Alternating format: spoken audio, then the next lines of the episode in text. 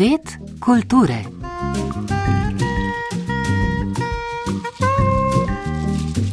Drage poslušalke, dragi poslušalci, lepo pozdravljeni v današnji knjižno obarvani oddaji. Ferija Lajnščka v našem prostoru ni treba posebej predstavljati. Pesnik in pisatelj je priljubljen med široko javnostjo. Pogosto pripovedujejo o preprostih ljudeh iz panonskega prostora, ob njegovem delu pa se omenja tudi magični realizem. Sam pravi, da pri tem črpa iz svojega otroštva. Prav to je v spredju njegovega novega romana, ki se mu bomo posvetili na začetku oddaje. Na to pa bomo predstavili še dve knjižni novosti iz založbe Slovenska matica.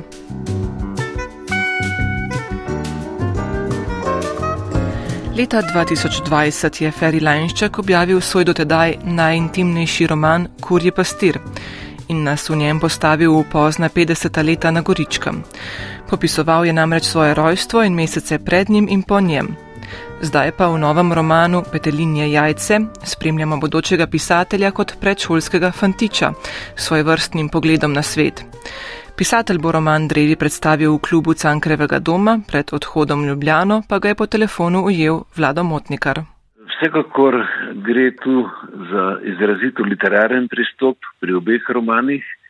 Ne gre mi toliko za to neko klasično autobiografsko pisanje, ampak če skušam biti natančen, v tem drugem delu sem uh, želel zajeti čas tako imenovanega magičnega mišljenja pri otroku, spravi pri meni, ki je bil pri meni zelo izrazit.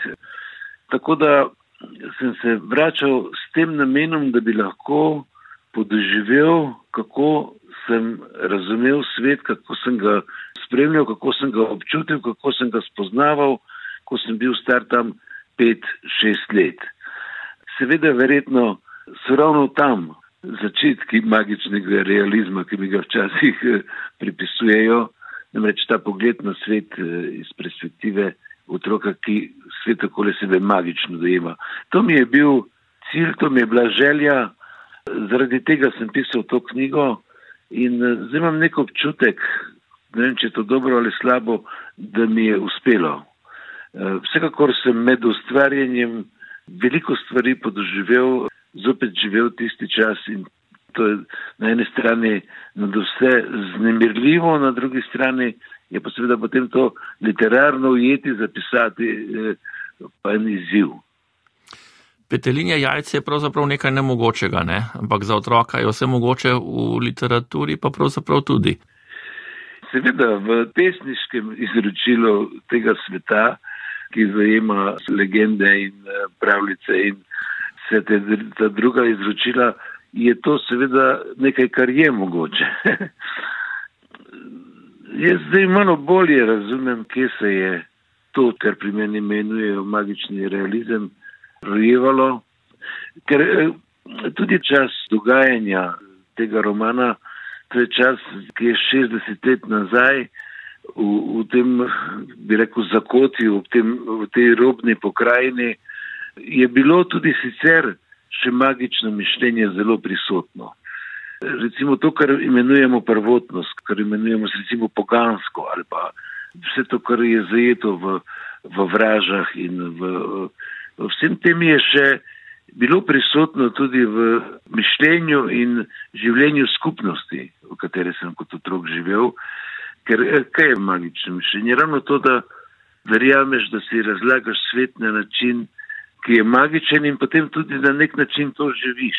Recimo, moja mama, ko sem bil kot otrok čuden, me ni peljala k zdravniku ali pa k psihiatru ali pa ni se zatekala k neki egzaktnosti, ampak me je peljala ciganke, ki se je seveda ukvarjala z drugačnim zdravljenjem, z vražami. In to je bilo magično mišljenje, ne? tako da eno z drugim me je takrat zaznamovalo. Pregovor pravi, da srečnemu še petelin znese jajce. Ta čas, čeprav je bila revščina kar huda, eh, pravzaprav je nekako srečen čas ne? za otroka. Jaz, ki ga zdaj eh, podoživljam, zdaj že 3-4 eh, leta, ker je drugi roman in to kar traja in eh, doživljam tisti čas kot srečen čas, kar je mogoče nek, bi lahko bil nek paradoks, pa pravzaprav ni, ker Sedem je bila velika revščina, je, bil, je bilo tudi, kako bi rekel, skupno življenje zaznamovano s to neko revščino, ne samo moje družine, ampak eh, na, na ravni medčloveških odnosov, na ravni odnosov znotraj družine. Eh, je bilo pa veliko nečesa, kar sem preprosto imenoval ljubezen, verjetno, vse ni lepšega izraza. In dokler se lahko na to zaneseš, da ti bo drug pomagal, da, da najdeš bližino, da so okoli tebe ljudje, ki podobno doživljajo in so en drugemu pripravljeni pomagati, da ta čas ne zgubiš vere. Ne? In to je nekaj, česar je bilo moje otroštvo polno. Ne? Če bi brez tega, da bi napisal ta dva romana, razmišljal o tistem davnem otroštvu, verjetno ne bi tako rekel, kot zdaj rečem. Napovedujete še nadaljevanje? Ja, ne, vsekakor je to nek proces. Vzel si bom uh, spet eno leto, da se malo očistim tega, da malo izstopim. Potem pa zelo upam, da mi bo uspelo ta tretji del nekako dokončati, zdržati v tej zgodbi, ker vse je to veliko potovanje. Ne? V nekem, v nekem pisateljskem življenju je to šest, sedem let. Mhm. Verjetno se bo takole raztegnilo. Zelo upam, da bom zdržal, zelo upam, da eh, mi bo dano, zelo upam, da se bo tudi ta tretji del posrečal. Potem mislim, da eh, bom kar zadovoljen.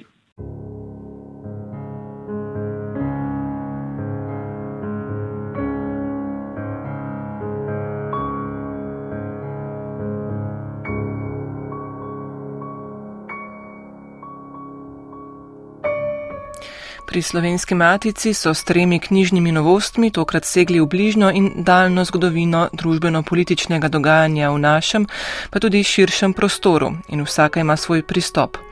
Dimitrij Rupel je s podobami resničnosti tako dokumentarno kot esejistično opisal slovensko osamosvajanje in čas po njem. V zborniku, ki ga je uredil Gregor Antoličič, so se posvetili Ljubljanskemu kongresu, katerega 200. obletnica je bila pred dvema letoma. Zgodovinar Sašo Jerše pa je pripravil knjigo Sociodiceja predmoderne, v kateri ob petih likovnih umetninah razpravlja o ustvarjanju družbenega smisla v poznem srednjem in zgodnjem novem veku. Žiga Bratoš.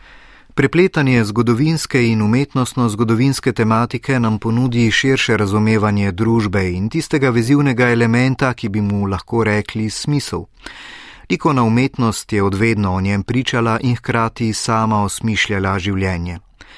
Pogosto ima širši značaj, bogatstvo njene sporočilnosti pa je v sintezi te širine. Je pomensko in interpretativno odprta, skrivnostna, vsebuje univerzalna in kdaj duhovna spoznanja, nosi tudi družbene ideje, na drugi strani pa opisuje svet nemirne, nevarne in krute stvarnosti, a hkrati svet naprezan za njeno preseganje.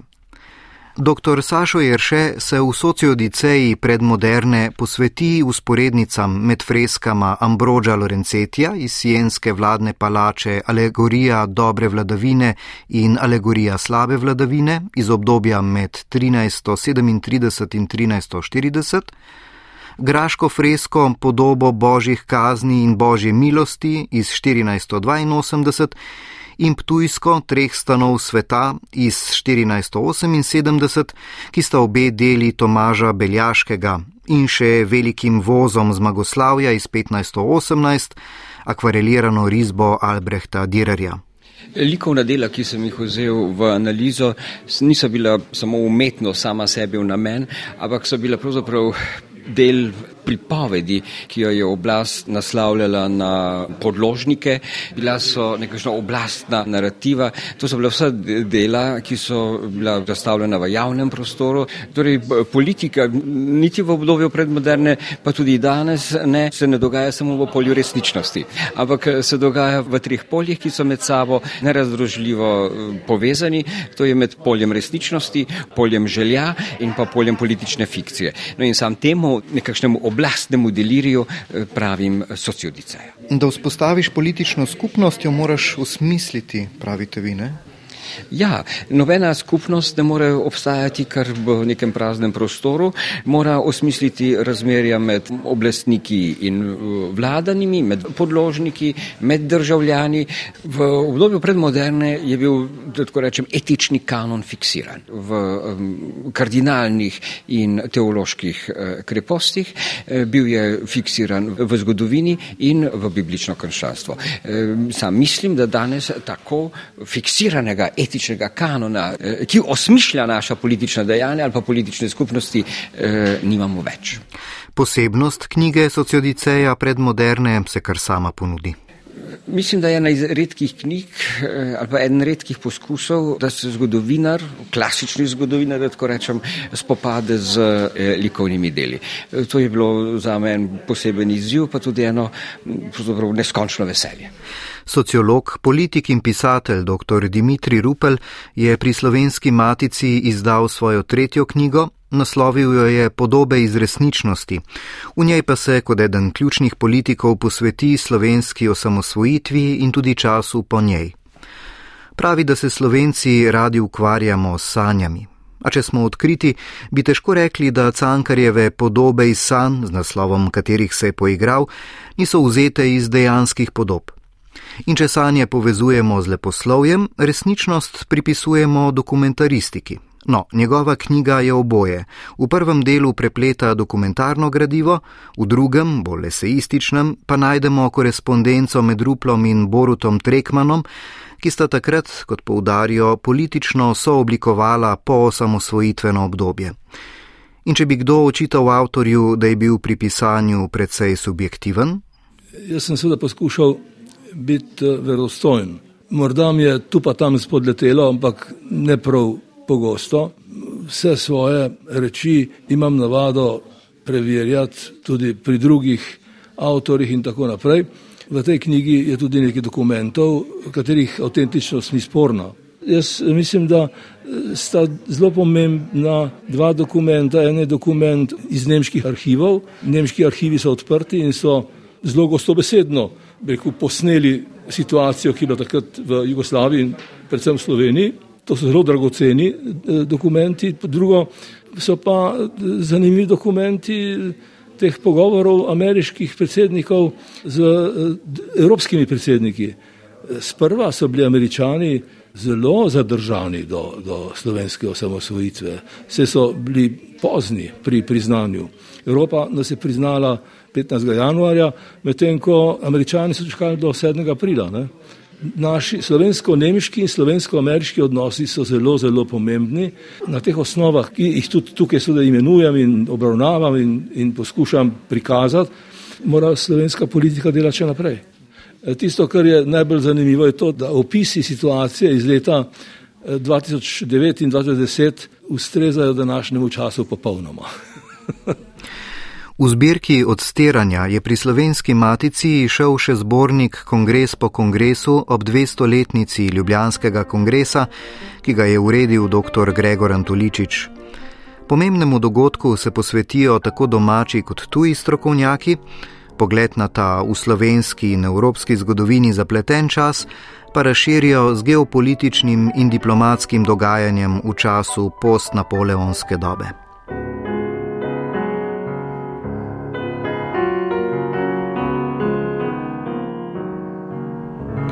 Drage poslušalke, dragi poslušalci, s tem smo prišli do konca današnje odaje, ki sem jo uredila in vodila Iza Pevec, posnel pa Vojko Kokot.